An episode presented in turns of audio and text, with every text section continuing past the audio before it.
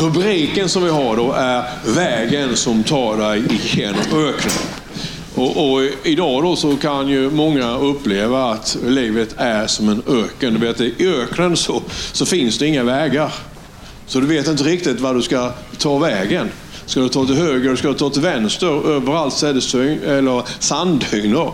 Så det är inte så självklart. Och, och, när saker och ting händer i ett samhälle som vänder upp och ner på allting, då kan man verkligen uppleva som att man är i en öken. Sen måste du och jag ju tala ljus i alltihop det här och tala hopp. Därför att även om det är mörka moln nu, så lyser ju solen bakom molnen. Vilket innebär att när vi möter människor så kan vi inte vara stödja. Den, den attityden funkar inte. Därför att många har ju sin mormor eller någon eh, tillhör riskgrupperna. Och det är klart att de är oroliga. Vi måste ta dem på allvar. Så att vad vi behöver göra då, vi behöver ta ett steg framåt och lyssna på människor. Ja, men de pratar bara om corona. Ja, man pratar om det som hjärtat är fyllt av. De behöver någon som lyssnar. Så låt dem prata. Du, du, du får bli liksom lite grann själavårdare här vid och herde och samtalsterapeut. Därför att de pratar om dessa här sakerna för de vet inte hur de ska hantera det. Och när de pratar om det så får de bearbeta det. Om då, då istället är tyst, så du pratar med någon annan sen istället kanske då va. Och du lyssnar på dem. Och sen så kan du säga att jag tror det löser sig i alla fall. Jag tror vi tar oss Titta nu, hur känns det här rummet när jag säger vi tar oss igenom det här. Jag tror att Sverige kommer till att lösa det här. Det är nog en svår period nu, men det kommer till att ordna sig. Hur känns det då? Det känns ju väldigt bra att det är någon som säger det. Alltså har de klarat det i Kina så ska vi klara det i Sverige också, tror du inte det? Sydkorea då som är ett av världens mest eh, tätbefolkade folka, befolkade länder har klarat det. Vi kommer till att lösa detta här. Känner du nu att man kan vända liksom, på atmosfären i ett rum? Men inte genom att negligera det. Är det någon som kommer och säger till dig att min morfar eller min mormor som jag älskar, de har fått corona. Det är klart att vi, vi, vi tar det på fullt allvar för dessa här människorna finns ju runt omkring oss. Och, och en, företagare, speciellt småföretagare då, som kanske har och precis tagit ett lån eller satsat sina besparingar. De, de klarar inte att eh, och inte få inkomsterna, för då går inte de runt. Och de behöver prata om det här, när du då säger att jag tror att det kommer till att lösa sig. Vi måste tala tro i alltihop det här, för Gud har kontrollen. Sen vet vi inte vart tiden pekar. Men sen finns det en sak till i alltihop det här. Det står så här i Bibeln. Det står att mycket förmår en rättfärdig mans eller kvinnas bön. Står det så eller står det inte så? Ja, då är det så här att Elia, Ja. När Elia han bad så stängde han himlen över Israel i tre och ett halvt år. Det regnade inte på tre och ett halvt år. Så därför har jag tänkt så här, att jag är rätt med Gud. Vem vet att om jag, eller du, eller ni som lyssnar nu, du är kanske den som kan vända krisen i hela världen. För om Elia, som var rätt med Gud, kunde stänga himlen över Israel i tre och ett halvt år, då kan vi göra det idag också. Så vi börjar tacka Gud för att de makter och krafter som har förlöst corona, vi går till attack mot dem i Jesu namn. Vi, vi tackar Gud för att hans änglar är i andrymderna och börjar sprida ljus. Vi tackar för att den Helige Ande kommer och uppmuntrar de kristna. Alltså när vi ber, du och jag, så tror jag faktiskt att vi har en förmåga att vända situationen. Ja, så, så står det ju. Va? Och sen samtidigt är det också det att, att vi är ju inte sjuka förrän vi blivit sjuka. Ibland när jag hör på kristna och läser lite grann på sociala medier så undrar jag om man har gått gudstjänst så länge som man skriver att man har gått till gudstjänst. Därför att trots att corona finns, vi tar det på allvar. Jag är inte stöddig alls i det här. Jag är väldigt, väldigt ödmjuk inför den situation som finns. Men Jesaja 53 är ju lika sant idag som det var för två veckor sedan. Alltså när det står här vid då, va, men det var, man kan läsa in mig här, va, men det var mina sjukdomar som Jesus bar. Mina smärtor tog han på sig. Står det så eller står det inte så? Då, då tänker jag så här att om det var mina sjukdomar han bar, då måste det ju innebära alla sjukdomar. Eller hur? Och sen kan vi inte liksom fatta varför vissa blir sjuka i alla fall. Och, och, det här är ingen teknik, eller det beror inte på om man varit en dålig människa, utan det här är fördolt i Gud. Men utgångspunkten för oss i kristenheten måste ju ändå vara att vi är helade i Jesu namn. Och blir vi sen sjuka så går vi till doktorn och så ber vi och tackar Gud för att vi är helade i alla fall. Ligger vi hemma med, med feber och hosta så tackar vi Jesus för att vi helade i alla fall. Alltså utgångspunkten är ju att det var mina sjukdomar som Jesus bar. Mina smärtor tog han på sig. Medan jag såg honom som hemsökt, slagen av Gud och pinad.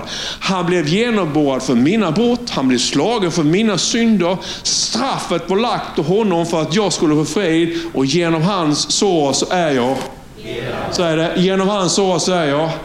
En gång till. Genom hans sår säger jag. Ja, jag gick filse som ett får. Jag gick min egen väg, men all min skuld lade Herren på honom. Och det här är lika sant idag som det var för en månad sedan, som om det var för ett halvår sedan. Amen. Men det är klart att när, vi läser in det här nu så blir du uppmuntrad. Varför det då? Lyssna nu. Jo, därför att det är din, din, din andliga människa, den inre människan som börjar lyssna nu. Och din inre människa är medvetet om det som finns i anden. Så när du tar in den här informationen så börjar du balansera upp allt det negativa som du tagit in genom din fysiska människa. Vi måste skapa en balans på det här. Amen, så är det va. Så Gud är på din och min sida. Om vi ber tillsammans så tror jag att vi kan vända det här. Och det är massor med människor som ber. Jag tror att det är många som predikar ungefär samma sak som jag predikar här till dig, predikar de över hela världen idag. Därför att det finns bara en Herre i församlingen, det är Jesus. Det finns bara en ledare i församlingen, det är Jesus. Och det finns bara en ande, eller hur? Den helige ande. Så jag tror att den helige ande inspirerar massor med predikanter över hela världen idag med samma predikan på ett eller annat sätt. Att nu ber vi. Vi kan vända den här situationen. Och sen det som kommer till att hända, det kommer hända i alla fall.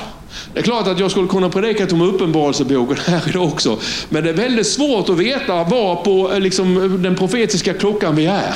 Och vår uppgift är att predika nåd och frälsning och upprättelse till den dagen Jesus kommer tillbaka och ingenting annat. Det är därför vi har haft dop idag. Amen. Ja, för det är det vi tror på. Okej. Okay. Så om jag kan få prata en liten stund till? Ja. ja. Vi lever i ett av världens bästa länder. Vem var det som gav oss folkhemmet? Det är ju ändå så va? Att, att om man får gå tusen år tillbaka så, så vikingarna och så här, hednastammarna som bodde här, de var ju inte så där jättetrevliga. Vi hade enkebränning. Vi hade midsommarblåt. Vi hade midvinterblåt. Vad är det för någonting säger du? Jo, då offrade man djur och människor och slavar. Alltså, Kristus och Jesus fanns inte här då. Men Gud kom till Sverige. Och det tog ju lång tid att vända hela den här situationen. Men det var Gud som gjorde det. Vi tänker inte på det. Jag reser ju över hela världen och ser många olika kulturer och så. Men det som Jesus har gett Sverige, det som Jesus har gjort med Sverige, det är unikt. Mm. Och många av dem pratar om andra religioner, så, men, men dig verkligen in i hur det fungerar där. Så kommer du till att se att den, den värdegrund som Jesus han har gett oss, den överträffar allting annat. Och Det är det som händer här när Israel är på väg ut ur Egypten. De har lämnat Egypten och är i öknen. Då, va? Så när de möter kananéerna här så är de i underläge. De skulle egentligen kunnat besegra dem. Men Gud kommer in och han gör ett mirakel. Och det här får vi ju inte glömma. Tänk så många mirakel han har gjort i ditt liv. Tänk så många gånger när jag har varit på väg fel, när Gud har kommit in och hjälpt mig. Men det är väldigt, väldigt lätt att man glömmer de gångerna när Gud har varit god. När vi sjunger här vid, du har alltid varit god, du har alltid varit för mig, du har alltid hjälpt mig. De sakerna glömmer vi emellanåt. Och det är Sverige som vi har, alltså det svenska folkhemmet, några av er är tillräckligt gamla. Alltså jag var inte född 1959. Jag, jag tänkte nu på morgonen, för min farsa han pratade om det så många gånger så jag, då när jag var fem sex år gammal på 60-talet, när Ingmar Johansson ah, besegrade Floyd Patson 1959. Det, det, var, det var halv fyra på morgonen. Lyssna nu. Halv fyra på morgonen. Sveriges Radio fick inte sända. Men tre miljoner svenskar lyssnade på Radio Luxemburg. Och, och där vi på 60-talet, alltså det, det påverkar så mycket så jag kommer ihåg det fortfarande. Det var en sån enorm framåtanda. Man var så glad för all, utveckling, allt det positiva som skedde i Sverige. Alltså industrin gick för högvarv. Vi åkte ner, alltså Arbetsförmedlingen åkte ner till Grekland och Italien och fick människor att komma hit för att de, vi behövde folk som jobbade här. Det fanns liksom ingenting som var omöjligt. Och Kennedy, han sa väl, vet inte vilket år han sa det va? att before, alltså, före det här årtiondets slut så ska vi sätta en man på månen. Jag kommer ihåg det själv, för jag var hemma hos min morfar när alltihop detta hände i en sån här gammal, gammal, gammal TV. så här, nästan rund ruta så här va, svartvit. Ja, och, och, och, man, man trodde ju inte att någonting negativt kunde hända. Men det jag vill komma till att, att det som har skett i Sverige, i slutet på 1800-talet så var det en omfattande väckelse, väckelse här. Hundratusentals människor blev frälsta. Och den värdegrund som Jesus kom med, det var ju den värdegrunden som, som grundlade det Sverige som vi sedan fick se. Alltså den riksdag som vi har, den demokrati som vi har, den fackföreningsrörelse som vi har, den hade aldrig kommit om inte den värdegrund som Jesus ger hade lagts först. Amen. Det här ser man inte alltid. Utan åk till andra länder, de har en annan religion, så ska du se att det vi har finns inte där. Och så är det väldigt viktigt att, att man bejakar att det Jesus han gör i människors liv, det Jesus han gör i nation, det är fantastiskt. Ja, jag råkade in i en teologisk diskussion. Jag, jag, man kan inte diskutera teologi.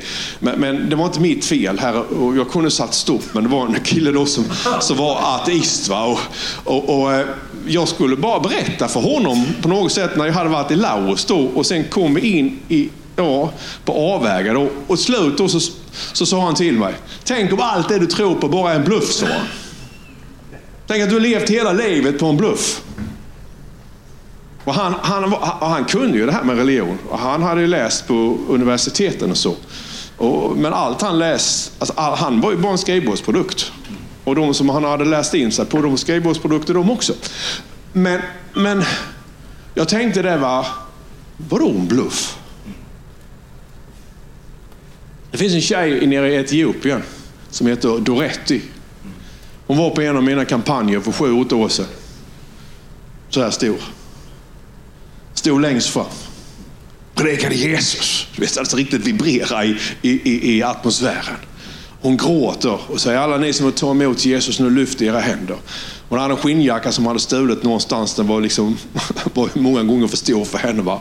Hon hade några, knappt några kläder under. Va? Och hon lyfter händerna och tar emot Jesus och gråter och kommer upp på scenen. Och Gud talar mig till, till mig om henne speciellt. Va? Så, dagen, e-, så här gör vi inte normalt. Dagen efter så frågar jag efter henne.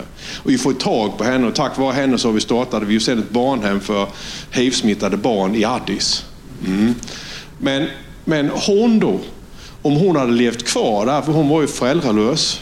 Hon delade maten med hundarna. Hade hon levt kvar i den miljön så hade hon varit kriminell. Det bara är så. För det är ingen som har tagit hand om henne. Hon hade varit missbrukare, hon hade varit prostituerad, hon hade haft hiv och förmodligen hade hon inte ens levt idag. Hon hade dött innan hon var 25. Det är ingen bluff. Doretti är på riktigt. Förstår ni vad jag pratar om? Han kan säga att det du tror på är en bluff. Nej, Doretti är inte en bluff. Alltså Dreti som vi räddat nu, som är 17-18 år nu. Hon vet ju inte själv riktigt hur gammal hon är. Hon är på väg in på universitetet. Alltså, all, alltså hela den resa som jag har gjort. Alltså Doretti är värd hela resan. En enda ung flickas liv som är räddad är ju värd hela resan. Så Jesus är inte en bluff, Jesus är på riktigt. Han tar sig lite olika uttryck, men Jesus han lever. Är det som jag sa då, att när de kommer in i öknen, så är det ju så att öknen har inga vägar. Och det är det som vi ser nu idag. När vi lyssnar på experterna så pekar den ena åt höger och den andra pekar åt vänster. Och den andra säger att vi ska gå baklänges och den andra säger att vi ska gå framlänges. Varför det? Därför att just nu så befinner vi oss i, oss i en öken. Det finns inga vägar här riktigt. Vi vet inte riktigt. Ett land gör så och ett annat land gör på något annat sätt. Och det är väldigt lätt att gå vilse i öknen. Men vi ser också här att vi, vi börjar hålla samman. För man kan inte bli splittrad i öknen. Här gäller det att hänga med gänget. För du är ensam där ute så vet du snart inte vart du ska ta vägen. Och det viktiga i detta här är ju inte att göra som Israel gjorde. Då. Och det menar vi kristna här, va? nu, nu som vi måste ställa, ta ett steg framåt med ödmjukhet, med värme, bli själavårdare, terapeuter, uppmuntra människor på ett förnuftigt sätt. För Israel här, alltså de började klaga, det gjorde de ju alltid. Gud har ju varit med dig. Ni som är här, Gud har varit med de flesta av er, jag vet ju det. Men så fort ni kommer ut i öknen ibland så, så börjar man ju klaga. Men Gud är ju inte jultomten. Gud är Gud. En gång till. Ja, för att många gånger så predikas det ju på det sättet. Om du kommer till Gud så får du detta och sen får du detta och sen får du detta och sen får du detta och sen får du detta. Och Gud han är ju god. Men Gud är inte jultomten utan han, han tar dig igenom livet. Så när du är i öknen Är du här idag? Ja. Så när du är i öknen så kan det kännas jobbigt, det gör det. Och man blir orolig och man är rädd. Men det är inte så att han har övergett dig bara för att livet just nu blev en öken. Det finns en väg ut ur öknen. Det finns alltid en väg framåt. Vi tar oss igenom det. Jag behöver höra det. Du behöver höra det. Din granne behöver höra det. Att det här kommer till att lösa sig till sist i alla fall. Ja, men hela världen går åt skogen då. Ja, vi vinner i alla fall, för förr eller senare så spricker himlen och Jesus kommer tillbaka. Jag förstår alltså, att människor som inte har Gud, att de klagar, det är en sak. Men hur det här än slutar, om vi är i slutet av Uppenbarelseboken, eller vi har inte kommit in där, så är det ändå så att vi kommer till att ta oss igenom på något sätt. Och Jesus är ju på vår sida. Halleluja! Alltså en dag så kommer Guds söner att uppenbaras. En dag så kommer syndens konsekvenser att lyftas av skapelsen. En dag så kommer allting till att upprättas. Mm. Och vi behöver hålla oss till Jesus. Och det finns inget liv. Ibland när vi säljer in evangelium så säljer vi in det som att nu löser sig allt. Men du vet, bara för att du kommer till Jesus så slipper du inte få livet. Vi måste ta oss igenom livet i, i alla fall. Och det är nu som vi ska ställa oss upp. Det är nu som vi ska vara dessa kärleksfulla människorna som folk de älskar och som de längtar efter. Ett stort hjärta, ett leende, ett tröstande ord. Vi kan inte kramas nu. Vi får vara lite grann försiktiga på den punkten. Va? Men nu så ska vi vara kyrka. Jesu kyrka för Sverige. Amen. Och inte bara vår församling utan alla troende i Sverige. Nu ställer vi oss upp. Och vi är inte stödja utan vi är ödmjuka inför problemen. Men vi är där och strålar Jesu kärlek. Halleluja. Amen. Från en dag till nästa så förändrades allt. Och, och så är det ju. va. Det, det, som har hänt idag har ju gått oerhört fort. Och det, det jag har tänkt på många gånger de sista åren då kan jag säga. Det är syrierna. Det finns kristna syrier, jag har mött många av dem. Och de hade ju ingenting med världspolitiken att göra. De levde ute på landet, i mindre städer. Och flera av dem, de, alltså, de åt och de drack. De gick och la sig på söndagskvällen och steg upp på måndagmorgonen och gick till jobbet. De hade drömmar. Några hade startat företag.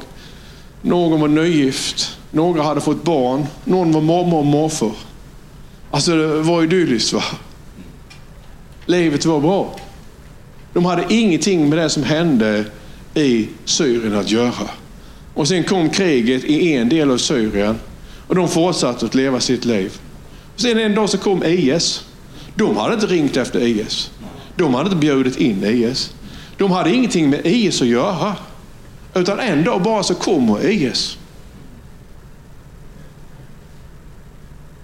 Alltså på, så på ett år då så förändras deras liv.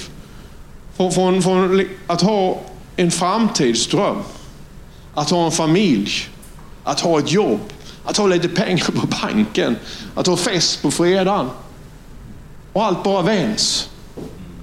Och nu sitter några av dem i ett flyktingläger eller en lägenhet någonstans. Och de vill ju inte vara här. Att det bara hände. Det är ju samma sak i Sverige idag. Det här bara har ju skett. Vi har inte hunnit reagera riktigt. Nu när Volvo skickar hem då och permitterar tiotusentals arbetare. Så Volvo klarar nog det här. Men det finns ju många underleverantörer här nu som, som inte sover i natt. Helt plötsligt så bara händer allt detta. Så är det. Men Gud har ju på något sätt en väg framåt. Det som har skett nu, det har skett. Och då måste vi istället på något sätt fundera på hur tar vi oss framåt? Det som har hänt, släpp det. Men hur går vi framåt?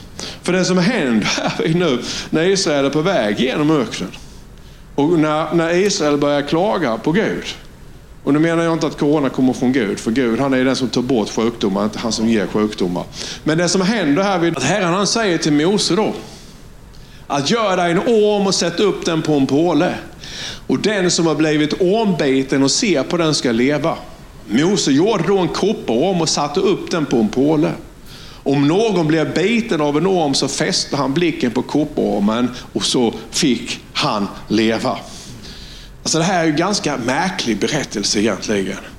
Därför att de är på väg genom en dal och det är så här giftormarna kommer.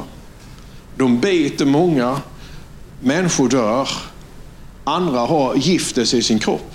Och till slut är det några som kommer till Mose. Och då säger Gud till Mose, ta och smält lite koppar och så gör du en orm. Alltså det som har bitit dem. Gör en bild av det som har bitit dem och sätt upp den på en påle. Och så säger han till dem att var och en som ser på det som är på pålen ska få leva. Och så säger Jesus att på samma sätt säger Jesus som att kopparormen blev upphängd på en påle i öknen så ska Människosonen hängas upp. För att de som tror på honom ska få evigt liv. Alltså på samma sätt att de som ser på honom, de ska leva. Så när man är i öknen så finns det en kompass. Det gäller att fundera på var är Jesus i min öken? För om du kan hitta Jesus så finns det en väg ut ur öknen. Och på samma sätt så är det, och det därför som vi läste från Jesaja 53. Va? Alltså det som har bitit dig, det hänger på korset. Så när du då ser att sjukdomen hänger på korset, smärtan hänger på korset, mina misslyckanden hänger på korset. Min skuld hänger på korset. Mitt dåliga samvete hänger på korset. Så är det någonting som får din blick bort ifrån korset så du ser till dig själv. För när du ser till dig själv så lägger du skulden på dig själv. När du ser på dig själv så får du dåligt samvete. När du ser på dig själv så känner du dig väldigt, väldigt liten. När du ser på dig själv så funderar du på hur ska jag på något sätt ta mig ut ur den här situationen som jag är i. Men om du då hittar vad är korset? Vad är, vad är Jesus i min öken? Och det gäller att ha alla ögon på Jesus. Man säger, ha alla, fäst blicken på Jesus. Va? Kan du säga det? Alla ögon på Jesus. Ja, för du kan inte ha ett öga här och ett öga där, för då blir du det blir liksom splittrat. Va? Utan nu behöver vi vara enade. Alla ser på Jesus. Och när vi nu ser på Jesus så har han en väg ut ur det problem som finns i Sverige. Precis som han tog oss ut ur vikingatiden. Precis som han tog oss ut ur medeltiden. Precis som han gav oss väckelsen på 1800-talet som bäddade för svenska folkhemmet. Så om inte tiden och stunden är inne när han ska komma tillbaka så har han en väg ut ur detta här också. Tror du på det här? Alltså det, är så här, det är det här på något sätt som människor behöver höra idag. Och nu måste du tala till greker på ett sätt och judar på ett annat sätt. Du förstår det där begreppet? Man talar till bönder på bönders sätt. Så att jag möter mycket människor som inte går i kyrkan. Och då säger jag saker som innehåller samma värdegrund, men jag uttrycker det på ett sätt. Och när jag möter människor som har varit med i kyrkan länge så säger jag samma sak, men då säger jag det med bibelord. Så vi uttrycker oss på olika sätt. Men du och jag, vi har hoppet på insidan, eller hur? Vi har livet. Och det livet är vi nu kallade att ge andra människor. Det var en, en kille, jag glömde, det, det, det, står i en av Jung Chus böcker och det, den är så talande den här berättelsen. För det var en, en affärsman, ja, en ganska misslyckad affärsman egentligen, som blev frälst. Och så kommer han till pastor Jong Chodo det här nere i Sydkorea. Och så säger han att jag har fått en affärsidé. Jaha, säger Jong Cho, ja det står ju att vi ska vara världens salt. Så han startade en saltindustri. Nu ska inte du göra det. Men han startade en saltindustri och, och det gick väldigt, väldigt bra. Och, och, eh, ja, hela det här företaget det växte och så växte det och så växte det. Och sen så, som det är nere i dessa här länderna, dessa här enorma stormarna kan komma där det regnar och det hela havet. Han hade liksom sitt lager nere vid hamnen. Och när, när havet drog in då och det blev översvämningar så tog det ju hela saltlagret. När salt har varit i vatten så är det inte bra att ha längre, eller hur? Ja, och så kommer han till, till Jung och, och, eller Jung bjöd upp honom på kontoret igen för han visste om det, det här han ville prata om, om han mådde och så. Så sa han, nej men sa han, det är så att jag har inte så mycket pengar kvar just nu. Därför att den här stormen som kom tog hela mitt lager. Så sa han så här, men jag har gett mitt tionde sen jag blev frälst. Och jag vet att när jag har blicken fäst på Jesus så har jag byggt upp ett stort företag på salt en gång. Så kan jag göra samma sak igen. Och nu, nu säger jag inte det här för att du ska ge tionde, det är det som är poängen. Säg det inte det som är poängen. Nej, utan poängen var det att, att trots att han var närmast ruinerad så hade han fortfarande blicken fäst på Jesus. Så var inte det att han gav sitt tionde, inte det som är poängen. Utan det att han sa, han sa att när jag fick blicken på Jesus, då hjälpte Jesus mig att bygga upp det här företaget. Om jag fortsätter hålla blicken på Jesus, då kommer jag till att bygga upp det igen. Och så är det med Sverige också och så är det med ditt och mitt liv. Oavsett vad som händer nu de närmaste veckorna, så om vi fortsätter att fokusera på Jesus, så kommer han till att hjälpa oss att bygga upp vad det än är som av någon anledning skulle tas ifrån oss. Därför att Jesus har förmågan att göra saker och ting på andra sidan. Alltså när du och jag sitter här så finns det ju en del av universum som du och jag inte ser. Där rör det sig figurer, där finns det krafter, där finns det energi. Han har förmågan att förändra allt. Amen. Så att du och jag, vi har ett vapen i vår hand. Vi är kallade av Gud. Och nu ska vi ta ett steg framåt och försöka uppmuntra och vara positiva och ge Jesus kärlek till så många människor som möjligt. Därför att vi kommer till att resa oss igen. Amen. Volvos maskiner kommer kommit att gå för fullt igen. Ja, så är det bara. Jag tror att olika saker kommer att hända, så det är småföretagare som har det svårt nu. Jag tror att det tar, vi tar igen det. De pizzor som inte säljs nu, när det väl släpps loss så säljer de dubbelt så många pizzor i alla fall. Så är det va. Gud är på din och min sida.